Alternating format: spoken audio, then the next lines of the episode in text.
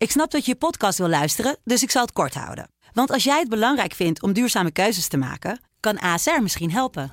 Nou hoor ik je denken, hoe dan?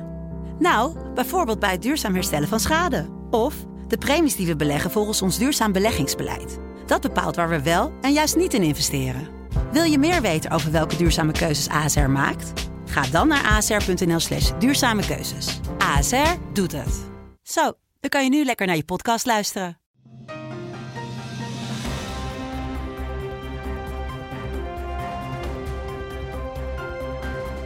Dit is de Telegraaf podcast. Het land van Wierduk met Kamran Oela. Donderdag 5 maart 2020. Een uh, kerstverse, schone, nieuwe, frisse aflevering van het land van Wiert Duk. Mijn naam is Kamran Oela, nieuwschef bij de Telegraaf. En uh, tegenover me zit weer uh, als vertrouwd Wiert Duk. Wiert, we horen de tune nog een beetje doorlopen. Dit had ook gewoon een politiebericht in Suriname geloof ik kunnen zijn, hè? Ja, zag je dat? Dat was... Die hebben gewoon onze tune gejat. Dat is toch ook uh, fascinerend. Want ik, we, we, werden even op Facebook uh, ergens in ge, ge, ge, hoe zeg je dat? Uh, getagd. Ja. En dat, dat, moet je horen. Dat, ik verwacht wie het duk hierna. En toen kwam een van de dame die politiebericht Politiewoordvoerster in Suriname, ja. ja. ja. nou het zal ongetwijfeld puur toeval zijn. Hè? Dat, dat kan. Het is ook zo'n theorie dat als iets ergens gebeurt, dan gebeurt hetzelfde ergens anders, geloof ik. ja. Dus dat zal dit zijn. Precies. uh, en we zitten ook gewoon nog altijd zonder mondkapjes. Uh, ja, we schudden elkaar de hand hier niet meer, want dan blijven we bezig. Ja, maar, we hebben wel een beetje afstand van de plopkap genomen. Ja, toch wel? Ja. Je dacht, collega's die hier ook wel eens zitten, daar ga ik toch mee. Precies. Merk je er iets van? Dat je het gewoon in je dagelijkse doen en laten dingen anders doet? Of, ja, mensen gingen niet de hand schudden bijvoorbeeld, hè, ja. automatisch. Wat je vroeger of voorheen toch wel deed. En um, ja, ik zou me ook niet op dit moment dan zo snel naar, als het niet hoeft, naar uh, allerlei plekken gaan waar veel mensen samenkomen, eerlijk gezegd. Nee, dus eigenlijk ja. toch wel iets voorzichtiger dan, uh, dan normaal. Maar nou, als je leest hoe snel het gaat, ook met het aantal doden in Italië bijvoorbeeld, dan uh, ik vind dat toch best wel reden tot zorg hoor. Ja, vind je het ook wat over, overtrokken of niet? Want ik, ik vraag je ook naar, omdat je had natuurlijk een tweet gestuurd met wat voor onderwerpen, waar moeten we het ja. deze week over hebben? En het interessante is dat best wel wat mensen reageren, ja, corona, daar, ja. daar moet het toch even over gaan. Terwijl eigenlijk weer een onderwerp was wij niet bovenaan op ons lijstje hadden staan voor deze week. Nee, omdat wat kun je er verder over zeggen? Maar waar heel veel mensen zich toch wel zorgen over maken en verbaasd over zijn, is dat zij vinden dat Nederland zo enorm laks met die corona-kwestie is omgesprongen of omgaat. En ik had toevallig afgelopen weekend weekenddienst en ik was in, die, in dat ziekenhuis daar in Gorkum, in, in het Beatrix ziekenhuis. Um, en uit de verhalen van die mensen daar vond ik het toch ook wel heel vreemd hoe zij dan reageerden op die, die, die casus. Dat, dat, was die mevrouw, die was in heel snel tempo heel erg ziek geworden. Hè? Die kwam op een gegeven moment op de intensive care te liggen en zo.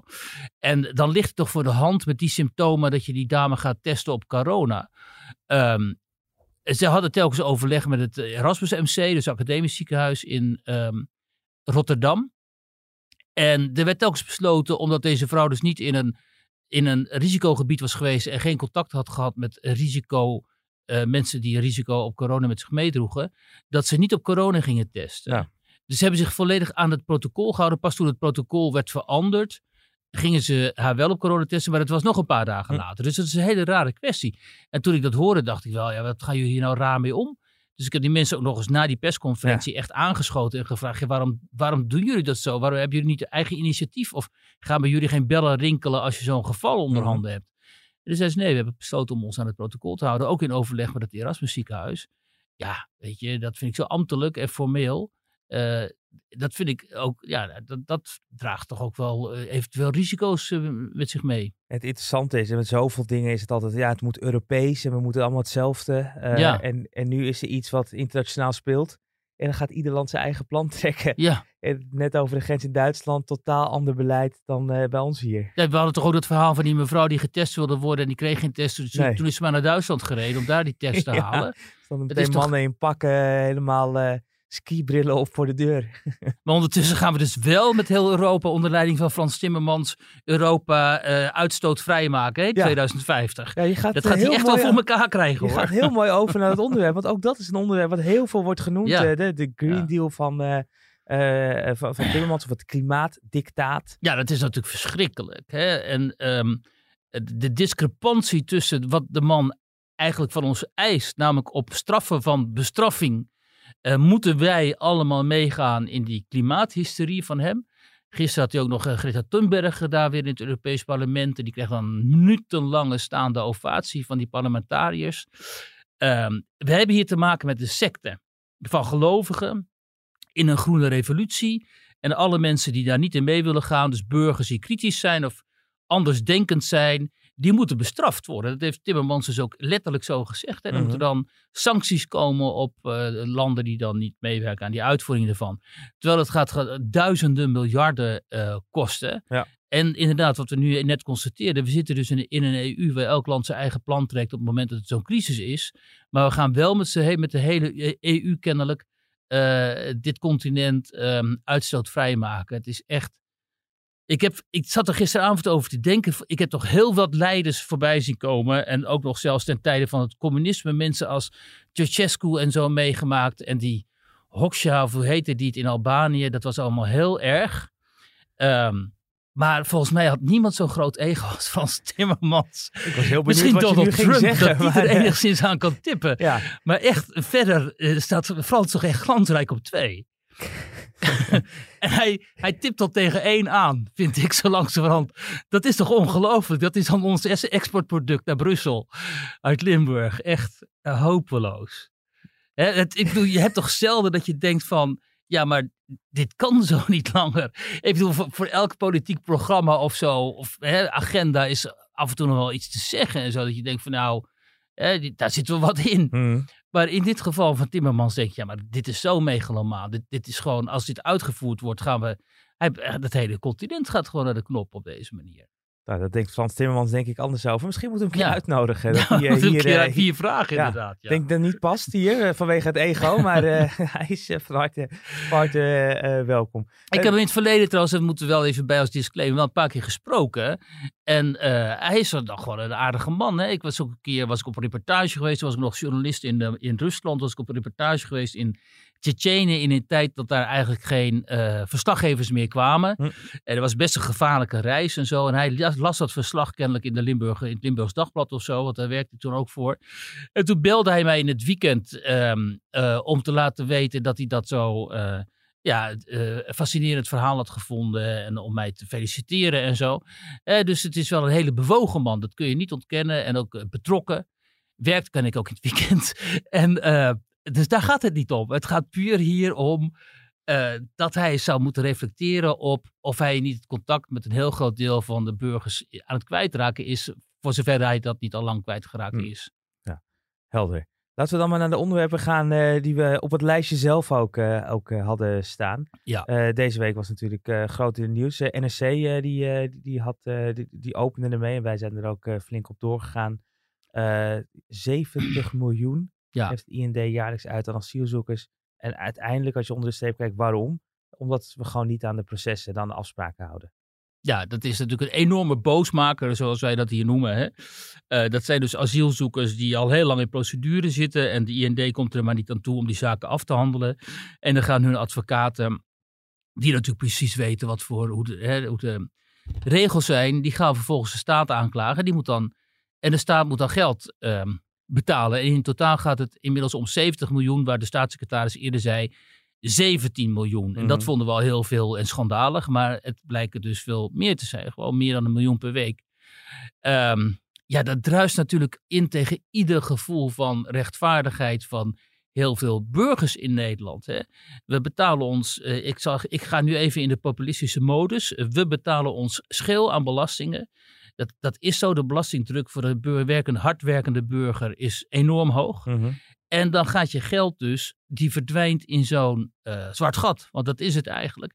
een zwart gat dat deels wordt opengehouden door asieladvocaten. Want die asieladvocaten die zeggen nu wel, ook tegen mij overigens op social media en zo, van ja, joh, we hebben ook liever dat die procedure versneld wordt en dat die kwesties worden, dat die zaken worden afgehandeld. Dus het gaat ons helemaal niet om het geld en het gaat onze cliënten ook niet om het geld. Maar wij doen dit alleen maar om er druk op te zetten, omdat die IND niet opschiet. Maar ja, Ze weten allemaal dat die IND onderbestaft is, dat er een wachtlijst is, dat het lang gaat duren.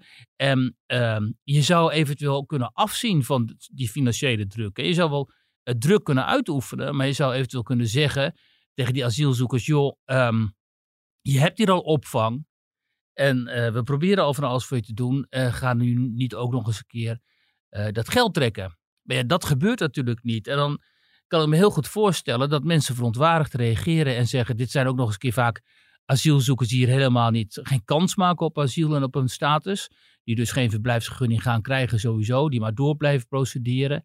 Uh, en uiteindelijk zelfs misschien in de illegale opvang in, in, in Amsterdam, hier in Amsterdam, terechtkomen, waar ook mensen, waar ook huizen worden ontrokken aan aan, aan de reguliere, Mhm. zeg maar, aan wel le- legale burgers en ook legale eh, vluchtelingen trouwens.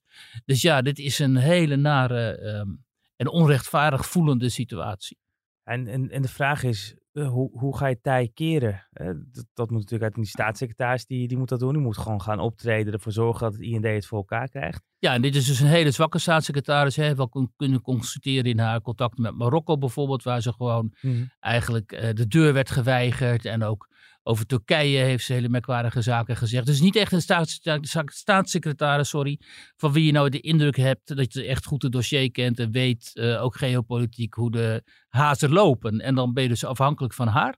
Eh, nou ja, die IND die kan niet zomaar worden opgeschaald, want dan eh, die expertise die haal je niet zomaar in huis. Ondertussen is er weer een nieuwe migrantenstroom op gang gekomen. Collega Daniel van Dam, Ja. die is de hele week in Turkije geweest. Heeft de verhalen gemaakt aan de Turks-Griekse grens. Ja, Eh, en, en een van de dingen die mij opviel in, eh, op sociale media, maar ook wat ik in Daniels verhaal teruglees.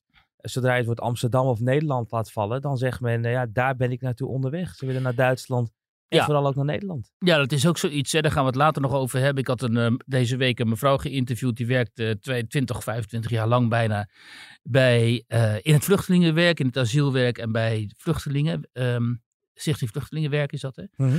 En in de AZC's. Dus die mevrouw is gepokt en gemazeld. Die kent al die verhalen. Die heeft met eh, honderden van dit soort mensen gesproken. Ja, die zegt ook, joh, en dat is eigenlijk ook al jaren bekend natuurlijk. Van, er zijn gewoon Facebookpagina's waarop staat van wij, naar welk land je het beste kunt gaan. Duitsland of Nederland. En dan vooral Nederland, omdat een aantal zaken hier dan weer heel goed zijn geregeld. Huisvesting vinden ze dan. Uh, gezinshereniging schijnt makkelijk te gaan. Dus eh, die mensen die daar aan de grens staan, die weten precies waar ze eh, naartoe moeten. En dan is er ook nog eens een keer het wrangen hè, uit die verhalen die je leest vanuit eh, Griekenland. Dat het niet per, per se Syriërs zijn die vluchten voor de oorlog. Eh, maar heel veel Afghanen en Marokkanen ook. Hè, en andere, dus Noord-Afrikanen ook, die helemaal geen kans maken op status. er is ook iemand nu omgekomen daar aan de grens. Hè? Die ja. komt uit Pakistan. Ja. Eh, dus ik, eh, nou, vastluisteraars weten dat. Hè? Mijn Ja. beide ouders zijn daar eh, geboren. Dus ik hoor ook van hen in Pakistaanse media gaat het erover. Denk ik, ja, maar wat deed die man daar überhaupt? Ja, dus dat is. ehm, kijk, en we kunnen ook niet telkens in verontwaardiging blijven steken, natuurlijk. We kunnen wel blijven zeggen: oh, oh, hè, wat erg en wat, eh, wat een, deze situatie zou niet moeten bestaan. Maar hij bestaat, eh, die situatie. En deze mensen die staan daar aan die grens. Dus wat, wat kun je daar nu aan doen? Nou ja, de enige mogelijkheid natuurlijk is dat die oorlog in Syrië stopt. Ja. Die had al moeten stoppen. We hadden gewoon moeten toegeven dat Assad en de Russen daar die oorlog hadden gewonnen. Eh, en dan hadden we met Assad moeten gaan onderhandelen, we hier ook al vaker gezegd. eh, om te zorgen dat in, na een transitiefase er iemand anders aan de macht zou komen. En eh, dat, die, dat die situatie daar tot rust zou komen. Wat, wat hebben de Turken gedaan? Die hebben die oorlog daar rond Idlib opgevoerd. Hè? Ehm, en vervolgens reageren natuurlijk die Russen daarop. Dus die, waardoor die vluchtelingen, huidige vluchtelingenstroom opgejaagd, aangejaagd is, aangewakkerd. Ja. Ja, dat is een situatie die eh, op alle punten natuurlijk onwenselijk is. Ehm, en er is nu vanuit de Europese Unie wordt er dan nu hè, gedacht aan free, free, hoe heet dat, vrije zones Mhm. en dergelijke. Eh, nou ja, we moeten hopen dat, dat, eh, dat die er komen. Omdat mocht, mochten die vluchtelingen via Griekenland naar West-Europa komen, dan ehm, daar zijn we helemaal niet op voorbereid. En dat zal de kloof ook in de samenleving, dus het conflict tussen links en rechts en populistisch rechts en politiek correct links, zeg maar, alleen nog maar vergroten. Je ziet het nu ook al, hè. ehm, ehm, heel veel ondoordachte tweets van mensen aan de linkerzijde die dan zeggen, we moeten deze arme Syriërs welkom heten. Dus die volgen het nieuws helemaal niet, die weten helemaal niet dat het voor een merendeel helemaal geen Syriërs zijn, omdat eh, Syrische vluchtelingen hebben in, ehm, in Turkije wat wij een status noemen. Eh, en die andere, die andere groepen hebben dat niet. Dus daarom willen die Syriërs niet per se nu al massaal naar het westen. Die wachten eerst de situatie af. Als ze denken, oké, het is nu mogelijk en we, hè, we kunnen nu zonder al te veel problemen naar West-Europa. Dan komen ze ook wel, maar ze blijven vooralsnog, voor het grootste deel, wat ik begrijp, daar in Turkije. Ehm, dus, ehm, nou ja, we mogen hopen dat, uh, dat in ieder geval niet zo'n situatie Nee. wordt als in 2015. Ja, want dit- even weer eh, ter herinnering. 2015 was het jaar dat we eh, mensen in eh, sportcentra boos zagen Ja. op burgemeester en wethouders. Omdat, eh, om, om, om- omdat zij ruimte moesten beschikbaar stellen voor, voor, voor die hele stroom. ja, er er meer dan een miljoen mensen Ja. naar West-Europa en ook naar Nederland. Precies. En toen zag je die, die, op, hè, de die woede die daar ontstond. bijvoorbeeld zo'n dorpje als Oranje was het geloof ik. Ja, hè, bij waar, Oranje. De toenmalige staatssecretaris Dijkhoff ook... eh, ja. eh, nou ja, van de, Die dame die ik sprak deze week, die heeft ook daar in dat eh, AZC in Oranje gewerkt. Ja. Dus die kent die situatie daar goed, ja.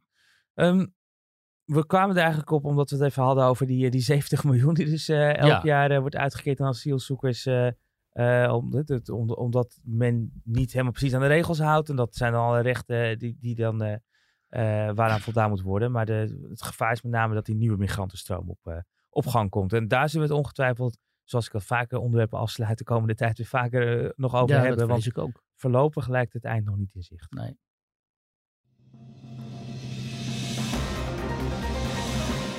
Dan een eh, rel in eh, Amsterdam eigenlijk. We hebben de Pride. bij de meeste mensen gewoon bekend als de Gay Parade. Want de voorzitter daarvan is Frits Hoefnagel. En die heeft, dan komen we toch weer op de migranten, heeft een uitspraak gedaan op, eh, bij de collega's van eh, NPO op Radio 1 met spraakmakers. Waarin hij zei dat hij vindt dat er geen migranten bij moeten komen. Want dan zien we kinderen en die vinden dan heel zielig. Maar die vader is misschien wel oorlogsmisdadiger en die moeder heeft dat misschien wel gefaciliteerd. Mhm. En nu is het COC boos. De voorzitter van COC Amsterdam, die heeft zelfs gezegd... die man die moet opstappen. Wij stappen eruit. Wij doen niet meer mee aan die hele gay parade. Ehm, zolang, eh, zolang niet Frits Hoefnagel daar opstapt. Ehm, want dit kan natuurlijk niet het, eh, de- iets zijn waar we achter staan. Want bij ons onder andere dit jaar twee boten die meevaren... met vluchtelingen erop. Ehm, ja, Ja. ja, wat moet je daarop zeggen? Hè? De, de, de, de enorme intolerantie van eh, zo'n reactie alleen al. Kijk, Frits Hufnagel is een VVD'er. Die, hij heeft ook een column over gezien in de Telegraaf. En ik, eh, ik luisterde to- toevallig dat programma, want ik zat in de auto en ik hoorde hem dit zeggen. Eh, en ik dacht, nou ja, dat is in ieder geval een andere mening bij die NPO. Want hij zei inderdaad letterlijk, ja, we kijken het allemaal weer naar zo'n kind. En dat is natuurlijk hartstikke zielig. Maar ja, je, je weet niet of zijn vader een oorlogsmisdadiger is. En inderdaad, wat jij zei, of die moeder dat dan faciliteert. Mhm. Nou, in het verleden is natuurlijk regelmatig gebleken dat dit het geval is. Ondanks alle beweringen van met name GroenLinks en ook andere politici. dat er met die vluchtelingenstroom vanaf eh, 2015 geen eh, oorlogsmisdadigers mee zouden komen of terroristen. was dit eh, juist wel het geval. Er zijn wel terroristen meegekomen en ook zeker oorlogsmisdadigers. Eh, dus die, die kanttekening van Hufnagel is gewoon terecht. Het is ook zo dat kinderen worden uitgebuit hè, om de, zeg maar, de harten wat zachter te maken. Dat hebben we gezien met Alan Koerdi, dat jongetje dat daar op het strand werd gevonden. Het was helemaal niet zo dat hij ehm, op dat moment met zijn gezin was gevlucht. Eh, dat jongetje woonde met zijn ouders. Die woonde al een tijd daar in Turkije. Maar zijn vader die wilde naar Canada om zijn gebit te laten reviseren. Heeft toen gewoon zijn hele gezin, met zijn hele gezin het risico genomen van die oversteek. En daarbij is eh, dus heel vreselijk eh, dat jongetje omgekomen. En vervolgens werd dat jongetje dus misbruikt ter wille van de asielindustrie. We hebben het ook gezien met kinderen in Aleppo en elders. Dat die dan door de White Helmets bijvoorbeeld, zo'n organisatie die, zich daar, die daar hulp biedt aan slachtoffers. Dat die door hen op camera werden gezet om, om maar in het Westen eh, reactie te krijgen. Dus het is een terechte kanttekening van eh Hufnagel. Ehm, eh, de, de op, een andere opmerking die hij maakte, namelijk dat die vluchtelingen maar naar Rusland moeten, omdat Rusland immers Assad steunt. die was wel ongelukkig, want die vluchtelingen zijn juist op de vlucht voor Rusland. Dus dat- ze kunnen niet naar Rusland. Eh, maar je mag toch van mening zijn, denk ik, in een democratie, dat het beter is om vluchtelingen in de regio eh, op te vangen, dan hen weer naar eh, Europa te laten gaan. Ehm, op wat op zichzelf nou, immers ondermijnend kan werken voor onze democratieën. En bovendien is het ook een terechte vraag: waarom gaan die vluchtelingen eens een keer niet naar Saudi-Arabië of andere islamitische landen in het Midden-Oosten? Eh, die niet alleen maar dichterbij liggen, maar ook eh, nog eens een keer qua cultuur en religie aan hen zijn verwant. En dat dan het COC, is het hè, Amsterdam, op deze manier reageert, ja, dat is uh, van een enorme um, intolerantie. Omdat men predikt tegenwoordig in dat soort kringen wel diversiteit. Maar dat betreft alleen diversiteit van uiterlijk en kleur en gender. Maar niet van um, mening. Dus opiniediversiteit, diversiteit in opinies. Dat wordt in die kringen helemaal niet uh, toegestaan. Dat zie je ook op de universiteiten, hè, waar anders denken er worden gedeplatformd, zoals het heet. Dan mogen ze niet optreden. Je ziet het heel erg in de Verenigde Staten, waar bijvoorbeeld mensen die iets minder kritisch zijn over Donald Trump, de mond wordt gesnoerd. Um, en dat zit in deze kringen, zeg maar deze activistische kringen in Nederland uh, ook heel sterk. Hè? Als je, in kringen van Kick Zwarte Piet, als je daar zou zeggen, joh, maak je niet zo druk over die zwarte pieten, lig je er ook uit natuurlijk. Um, en maar dit, is, toch uh, eigenlijk wat COC Amsterdam gaat het nu om. Hè? Die, uh, ja. Dat is de voorzitter van Fanny uh, Rijen, geloof ja. ik. En wat hij vandaag zegt is, de Hoefnagel moet opstappen. Ja. Een excuus is ook niet genoeg. Of als hij zegt van ja, nee, dit, dit is mijn privé mening. En dat heb ik natuurlijk niet als Pride-voorzitter gezegd. Of nou, noem maar op. Ja. Dit, dit, dit is toch alles, alles waar de COC voor staat, uh, daar zit toch tegen in. Want diversiteit ja, aan inclusief, Precies. divers, uh, hè, voor minderheden. Nou, Hufnagel is zelf homoseksueel, mm -hmm. dus die hoort daarbij. Ja, stel je voor dat er bij ons op de redactie iedereen met een andere mening. Stel nou voor dat, ik, uh, dat iemand hier Feyenoord-fan is en loopt tegen jou op. Ja. En jij zegt van ja, maar ik verdraag geen Feyenoord-fans. Helemaal niet in tijden waarin Ajax weer helemaal onderuit gaat. Zoals ja, nu. dit is wel echt een... Moet het even ja, zeggen. Dit is, ja, dit is toch waarin jij je Ajax-pyjama bij het grof vuil hebt gelegd. Ja. ja, dat kan niet. Nee. Want dan bestaat die redactie niet meer. Nee. Maar, maar dit is toch... Ja, ik bedoel, dit onderwerp komt eens in de drie weken geloof ik weer voorbij. Maar dat is, wat kunnen we hier tegen doen? Wat, want dit is toch inmiddels echt een probleem aan het worden. Dat mensen die het hardst om inclusiviteit en diversiteit roepen voor een hele, hele beperkte inclusie zijn. Namelijk niet inclusiever dan mensen die op mij lijken, die precies hetzelfde gedragen als ja. ik en hetzelfde zeggen als ik. Nou ja, het wordt een enorm probleem. Ik kreeg vanochtend toevallig een reactie op dat stuk van mij dat ik vandaag in de krant heb met een gemengd echtpaar. De man is uh, zwart en komt uit Nigeria. De, de, de, de vrouw is wit, blank en komt uit Groningen. Uh, die dit anti-denken, anti zeg maar, dit, dit denken in hokjes en dit, dit diversiteitsdenken, daar komt het op neer, die dat aanklagen. En ik kreeg een reactie van een ondernemer en die zei, ja, deze mensen hebben gelijk, want um, ik, uh, ik heb, ik, ik, als ik een zwarte kandidaat heb, sollicitant, dan bedenk ik me tegenwoordig wel twee keer, omdat uh, ik zomaar met het verwijt van racisme te maken kan krijgen. Want voor het minste of geringste wordt jou verweten dat je racist bent. Of als zo'n uh, werk, zwarte werknemer bij een klant komt en hij gaat die klant verwijten dat hij racistisch is bejegend, dan heb ik een probleem. Uh, dus zegt hij, heb ik liever zo'n minderheid niet meer onder mijn werknemers. Terwijl juist het hele beleid hè, en de bedoeling van dit soort activisten is dat uh, dit soort minderheden juist meer op de arbeidsmarkt uh, een plek krijgen mm -hmm. en actiever worden op de arbeidsmarkt. Ja. Maar als je zo activistisch bent en zo intolerant, dan worden natuurlijk heel veel mensen bangig. Net zoals dat heel veel uh, bedrijven tegenwoordig zeggen in de Verenigde Staten van, uh, of heel veel mannen, ik ga niet meer alleen in een ruimte met een vrouwelijke collega. Ja. Want voor, voor minst of geringste klaagt hij mij aan wegens uh, MeToo-toestanden. Dus ik zorg altijd dat er een derde bij is. Ja. ja, als we die kant op gaan, dan ben je dus in een, dat is waar we hier ook vaker over hebben gehad, dan ben je dus in de allerlaagste van low trust society zo ongeveer um, tegemoet uh, terechtgekomen. En dan heerst er alleen maar wantrouwen onderling tussen mensen. Ja, maar we gaan niet die kant op. We zijn er deels dus al. Ja, Dit dat weer is zo'n erge. voorbeeld. We zijn er al deels in terechtgekomen. Zo'n zo hoefnagel is weer eigenlijk een, uh, een voorbeeld. Dat, uh, ja, hij moet gewoon weg. En dit, als ik het zo hoor, ja, die gaan zich natuurlijk niet bij neerleggen voordat hij, voordat hij vertrokken is. Ja, maar ik heb ook de indruk zo langzamerhand dat er wel een omslag komt. Hm. Ik merk zelf, sinds, ik schrijf nu sinds twee jaar die, die pagina hier voor de Telegraaf. Uh, en in het begin was het nog wel moeilijk om mensen aan het woord te krijgen, ook met naam en toenaam en foto, ja. uh, over heikele kwesties. Maar tegenwoordig, zoals deze week ook, krijg ik ook toch steeds meer mensen zover om te zeggen, joh, spreek je gewoon openlijk uit. Ga op die foto. Ehm, want die, mensen die zeggen dat zelf ook, we hebben er genoeg van. We hebben er genoeg van om geïntimideerd te worden. We willen niet langer bang zijn omdat een klein groepje mensen vindt dat wij bepaalde dingen niet mogen zeggen. We willen ons gewoon uitspreken. Hè? Is wat, een beetje wat iemand als Jenny Douwers natuurlijk ook heeft gedaan Ja. een aantal jaren geleden. Nou, deze mensen van vandaag ook. En dan zie je wat een enorm aantal reacties ze krijgen. Echt een heel groot aantal reacties eh, die positief zijn. Maar dus ook vanuit de activistische hoek enorm negatieve reacties. Zo van, hè, Wie Duk heeft weer, weer een paar mensen voor zijn karretje weten te spannen. Of heeft weer een paar mensen gevonden die zeggen wat hij denkt en zo. Terwijl dit zijn gewoon mensen die in Groningen een bedrijf hebben. En, ehm, en ik- die span ik natuurlijk helemaal niet voor mijn karretje. En die bovendien ook nog eens een keer zeggen. Wat heel veel andere Nederlanders eh, denken. Alleen, wat ik al eerder zei. Die durven dat niet meer te zeggen vaak. Omdat ze inderdaad bang zijn, zoals een hufnagel hier Mhm. dat ze eh, hun baan eh, verliezen of hun reputatie. Of dat ze door het leven moeten gaan verder als eh, racist of islamofoob. Ja.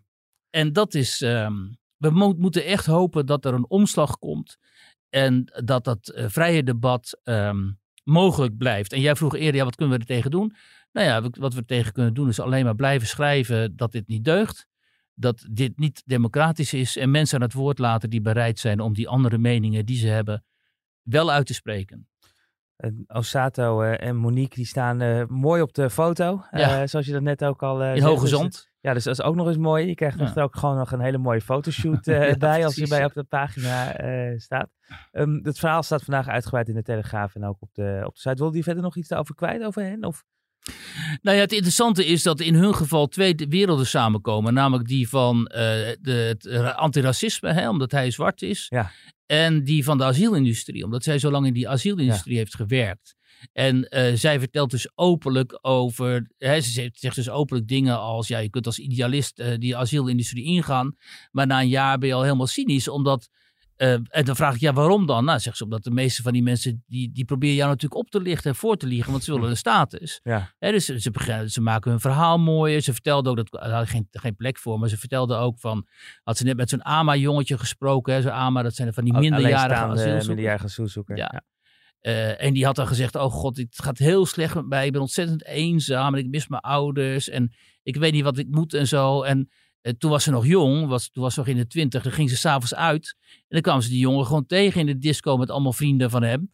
Eh, en eh, blitse kleren en zo. Dus zo zielig was die jongen nou ook weer niet. Ehm, weet je, allemaal van dat soort verhalen waarvan eh goedgelovigen altijd zeggen, ja, die zijn gelogen. Maar wij weten allemaal wel, als je een beetje met die mensen omgaat en die mensen een beetje kent, eh, dat dat natuurlijk zo is. En je kunt het hen ook eens kwalijk nemen. Die mensen zijn op, zoek naar een beter leven en een betere toekomst. Eh, wie het kwalijk moet nemen zijn natuurlijk de faciliterers. Dus mensen Mhm. die oorlogen beginnen in het Midden-Oosten, waardoor vluchtelingenstromen op gang komen. De smokkelaars die miljonair worden met smokkelen van deze mensen. Misschien ook wel de asieladvocaten die die procedures rekken en rekken en rekken en daar ook op binnenlopen. Ehm, dat, dat zijn de mensen die het systeem in stand houden. Ja. En deze mensen die eh, maken er alleen maar gebruik van. Maar het is goed als er vanuit die industrie af en toe kritische stemmen klinken die zeggen: dit systeem is onhoudbaar en eh, we worden aan alle kanten opgelicht. En dit is niet zoals het zou moeten gaan. Een van de mooiste quotes overigens van Osato vond ik ook dat hij een, eh, uit een eerder huwelijk een, eh, een, een, een, zoon heeft. hè. Mhm. Eh, hij is Nigeriaans van afkomst. En, En die vrouw is Ethiopisch. Ethiopisch. En, ze, en een zoon noemt hij een echte Hollandse jongen. Denk, In ja, dat, Katwijk. eh, in Katwijk, ja. Ja, dat, Dat denk je aan Dirk Kuyt. precies, ja. precies. Maar dat is, toch, dat is toch mooi, dat het gewoon een echte Hollandse jongen. En dat is het ook. Ja. Jochie is hier Ja. geboren. En, maar dat zal waarschijnlijk ook weer niet mogen. Want hij verloog daarmee ongetwijfeld de roots van zijn, van zijn Ja, ouders. inderdaad. Dan krijg je Ja. dat weer. Het, het verhaal is vandaag uitgebreid eh, bij ons op de site eh, en, eh, en ook in de, in de krant van donderdag eh 5 maart. Ehm wie het zo richting het einde is nog één onderwerp wat werd genoemd door een twitteraar die glazen bol heet. Ik denk, nou, oeh, Mm. eh, hoe serieus moeten we die nemen? Maar die kwam wel met een interessant onderwerp waar we vandaag ook over geschreven hebben. Het is maart. Dan moeten we altijd hier op de redactie waken voor vroege 1 april grappen. Mhm. En deze valt een beetje in die categorie. Want als je voor het eerst gaat stelen in Oh ja. Amsterdam, word je niet meer vervolgd. Ja, dat las ik ook. Ehm, je moet dan een boete betalen van 181 euro. Maar je wordt niet meer. En je krijgt een gesprek. Je wordt dus streng Ja. toegesproken. Ehm, en je moet 181 gulden aan die uitbater geven, dus aan die winkeleigenaar.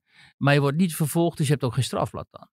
Nou, ehm, dus ik zei zo van, nou, proletarisch winkelen, hè? kom allemaal dit weekend naar Amsterdam, zou ik denken. Ja, ik wil mensen niet aanmoedigen, maar voor 180 euro, het risico van 181 euro kun je behoorlijk uh, toeslaan. Uh, want je wordt toch niet vervolgd. Ik, dat Nogmaals, dit is geen oproep, hè? dit is gewoon een beetje jouw ja, dit is Rotterdamse mentaliteit die er nog ja. een beetje in zit. Ja. Uh, ik parafraseer nu, hè, want op, op Twitter heb ik het ook niet op die manier opgeschreven natuurlijk. Maar ja, het is, het is, het is zo'n slecht signaal weer. Want je geeft, zegt dus van, oké, okay, we hebben geen capaciteit, we hebben de mogelijkheden hmm. niet.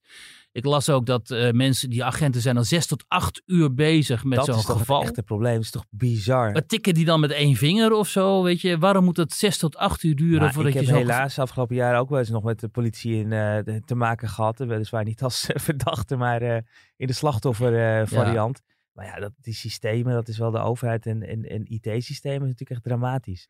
En ze werken echt nog op Windows 95, volgens mij. Ik, een paar jaar geleden had ik mijn auto twee minuten of zo in Amsterdam ergens uh, geparkeerd. Ja. Toen ik terugkwam was er ruis ingeslagen. Waren er, was er een scooter met Marokkaanse jongens, want er waren, er waren ooggetuigen, en met mijn tas vandoor.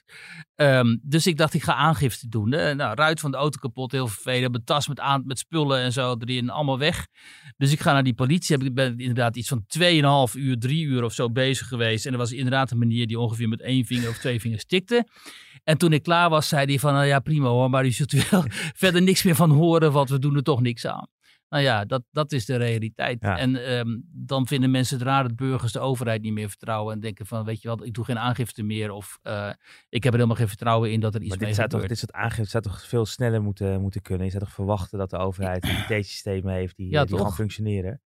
Ja, in ieder geval dat het niet zo lang, zes tot acht uur duurt voordat je een win winkeldiefstal uh, hebt afgehandeld. Nee, maar dus Ja. voorlopig uh, de eerste keer uh, een, een, een paar stichtelijke woorden en een, uh, een boete van 181 euro, maar geen strafblad. Ja. Toen vroeg nog iemand een tip. Oh, oh ja, dat ook nog een tip gevraagd? Oké. Okay. Ik las tussen de bedrijven door het boek van de ex van Joost Zwageman.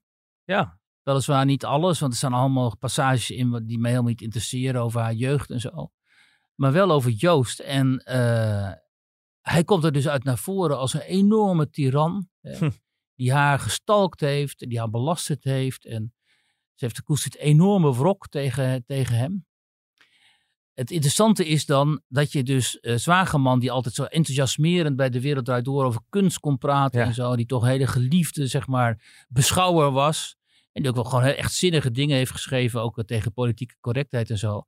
Dat hij dan dus in die relationele sfeer echt, in haar ogen althans, hè, je moet aannemen dat het allemaal klopt, uh, echt een ware tiran uh, Hmm. is gebleken. En dat vind ik altijd wel weer interessant. Mensen die in de publieke sfeer een heel ander beeld van zichzelf kunnen neerzetten dan uh, dat Ja. zij uh, Ja. in het echt zijn. En uh, uiteindelijk is het natuurlijk helemaal afgegleden in depressie en heeft zichzelf om het leven gebracht. Hè, wat een heel tragisch verhaal is. Maar, haar verhaal aan. is ook heel tragisch Ja. en ook niet echt fijn om te lezen, moet ik zeggen. Hm, Maar toch, als, als mensen dat interessant vinden, dat soort verhalen, dan is het eh, de, de, de moeite waard. Ehm, dan eh, denk ik dat we zo eh, richting de afronding gaan, Wiert. Eh, volgende week dan zijn we er weer. Volgende week begint ook de zaak eh, MH17. Ja, dus ongetwijfeld gaan we daar volgende week ook aandacht aan besteden. yes. En ja, welke onderwerpen dan leven zullen wel weer naar voren komen. Ik ben benieuwd of we nog hier in de studio mogen zitten.